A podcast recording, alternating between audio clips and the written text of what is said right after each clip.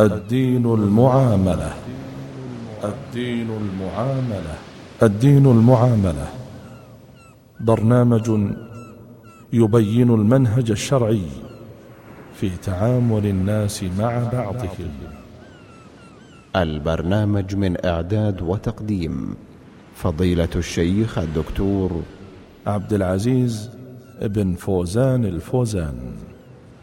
البرنامج من تنفيذ عبد المحسن العنزي. بسم الله الرحمن الرحيم. الحمد لله رب العالمين والصلاة والسلام على عبده ورسوله نبينا محمد وعلى آله وصحبه أجمعين. أيها الإخوة والأخوات سلام الله عليكم ورحمته وبركاته. تحدثت إليكم في الحلقة الماضية عن الظلم وعن سوء عاقبته وشؤمه وحديث اليوم بإذن الله سوف يكون عن عاقبة المظلوم وحسن منقلبه. ثم سأتكلم إن شاء الله عن أعظم سبب من الأسباب الداعية إلى الظلم. أيها الأحبة إذا ظلمت من أحد من البشر فأبشر يا أخي بالذي يسرك فأنت, فأنت إن شاء الله خير الرجلين وأفضل الطائفتين. وكن عبد الله المظلوم ولا تكن عبد الله الظالم. واعلم أنه مهما اشتد الظلم عليك فإن الله عز وجل هو ظهيرك ونصيرك. وهو وليك ومعينك ولن يخذلك ويسلمك لعدوك. واعلم أن العاقبة لك في الدنيا والآخرة. يقول ربنا عز وجل إنه لا يفلح الظالمون. فلا فلاح لهؤلاء الظلمة لا في الدنيا ولا في الآخرة لأنهم ظالمون. ولهذا قال بعض السلف ثلاث من كن فيه كن عليه البغي والمكر السيء والنكث. قال الله تعالى يا أيها الناس إنما بغيكم على أنفسكم. وقال ولا يحيق المكر السيء إلا بأهله. وقال فمن نكث فإنما ينكث على نفسه. وقد صدق القائل قضى الله أن البغي يصرع أهله وأن على الباغي تدور الدوائر. وتذكر أخي المظلوم أن الأمور كلها تقضى في السماء. وما هؤلاء الخلق مهما ارتفعت منازلهم وعلت مناصبهم ما هم والله إلا أدوات يقضي الله بها من أمره ما يشاء. وإنك أن تصبح مظلوما تنتظر النصر والمثوبة خير من أن تكون ظالما تنتظر الهزيمة والعقوبة. ولك أيها المظلوم أسوة بيوسف الصديق عليه الصلاة والسلام حيث عزم إخوته على قتله ظلما وعدوانا. وألقوه في غيابة الجب ليهلك أو ليلتقطه بعض السيارة. ثم باعوه بثمن بخس وزعموا أنه عبد آبق شارد من سيده. ثم قالوا عنه وعن شقيقه بعد حين إن يسرق فقد سرق أخ له من قبل. وعندما بيع لعزيز مصر وصار في بيته راودته امرأة العزيز عن نفسه. فانتقل من بلاء الجب المخيف إلى بلاء الحب غير الشريف. ولما كشف أمرها اتهمته زورا وبهتانا بأنه كان يراودها عن نفسها. ثم بدا لهم من بعد ما رأوا الآيات ليسجننه حتى حين مع أنه هو المظلوم. فلبث في السجن بضع سنين فاتهم في عرضه وهو العفيف وسجن وهو البريء وبيع في سوق النخاسة وهو الحر الكريم ابن الكريم ابن الكريم ابن الكريم. كما روى البخاري في صحيحه عن عبد الله بن عمر رضي الله عنهما عن النبي صلى الله عليه وسلم قال إن الكريم ابن الكريم ابن الكريم ابن الكريم يوسف ابن يعقوب ابن إسحاق ابن إبراهيم عليهم السلام. وبعد كل هذه الابتلاءات المتتالية والمظالم المتنوعة مكنه الله عز وجل في الأرض وجعل له العاقبة في الدنيا والآخرة وآثره على كل من آذاه وظلمه.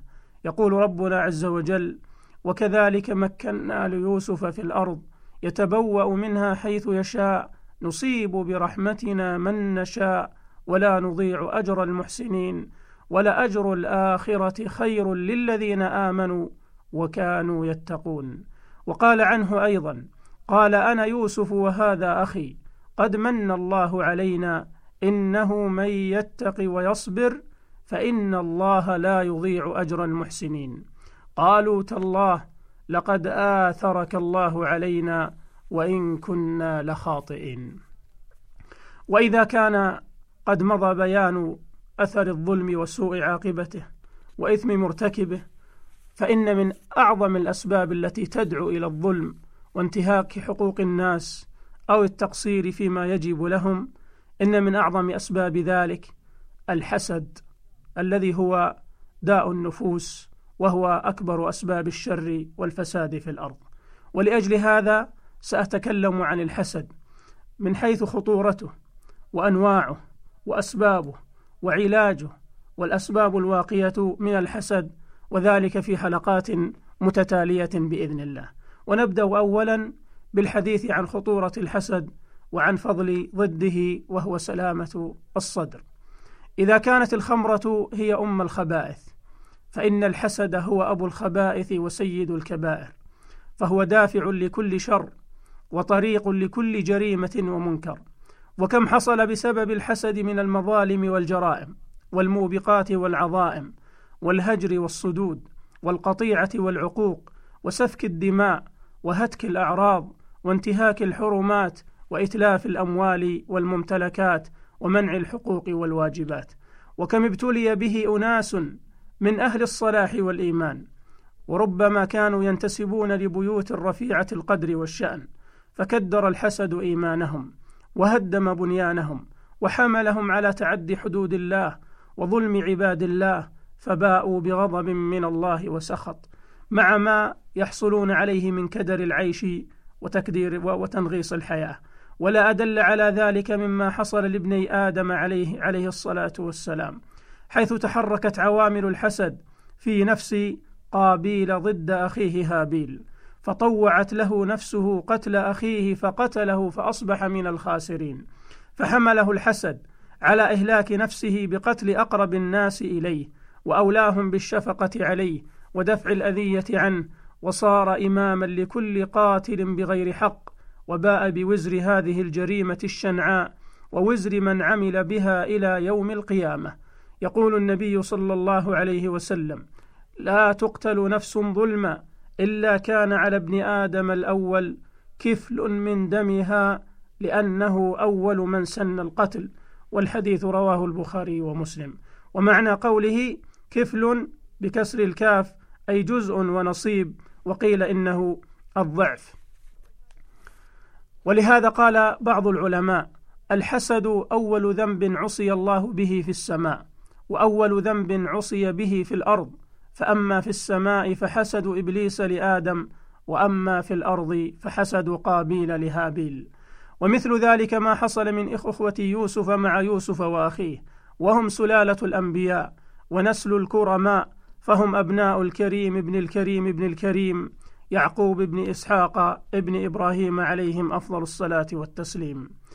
ومع رفعة هذا النسب وعلو قدر هذا البيت المبارك فقد دفعهم الحسد إلى أمور منكرة ومظالم فاحشة مخزية. إذ قالوا ليوسف وأخوه أحب إلى أبينا منا ونحن عصبة إن أبانا لفي ضلال مبين. وهذا أول الظلم والشر. أن اتهموا أباهم بأنه في ضلال مبين وهو نبي معصوم عليه الصلاة والسلام. ثم قالوا وهذه البلية الأخرى وهي أعظم من سابقتها. اقتلوا يوسف أو اطرحوه أرضا يخل لكم وجه أبيكم وتكونوا من بعده قوما صالحين. قال قائل منهم لا تقتلوا يوسف وألقوه في غيابة الجب يلتقطه بعض السيارة إن كنتم فاعلين. وفعلوها فعصوا ربهم وتعدوا حدوده وعقوا أباهم وكدروا حياته وظلموا أخاهم وأمعنوا في أذيته وقطعوا أرحامهم وأفسدوا في الأرض. وإذا كان الظلم على ما سبق بتلك الدرجة من السوء والشؤم فإن الحسد من أكبر أسبابه والدواعي إليه. ولذلك أنكر الله تعالى على من يحسدون الناس ويعترضون على قسمه بين عباده. فقال جل من قائل أم لهم نصيب من الملك فإذا لا يؤتون الناس نقيرا؟ أم يحسدون الناس على ما آتاهم الله من فضله؟ فقد آتينا آل إبراهيم الكتاب والحكمة وآتيناهم ملكا عظيما. ولي حول هاتين الآيتين وقفات بإذن الله في الحلقة القادمة. أستودعكم الله الذي لا تضيع ودائعه وأسأل الله أن يعيذني وإياكم من شر الحساد والظالمين. وإلى لقاء قادم. والسلام عليكم ورحمة الله وبركاته.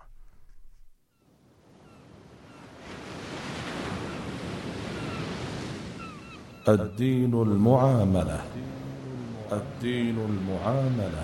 الدين المعاملة. برنامج يبين المنهج الشرعي في تعامل الناس مع بعضهم. البرنامج من إعداد وتقديم فضيلة الشيخ الدكتور عبد العزيز بن فوزان الفوزان. البرنامج من تنفيذ عبد المحسن العنزي.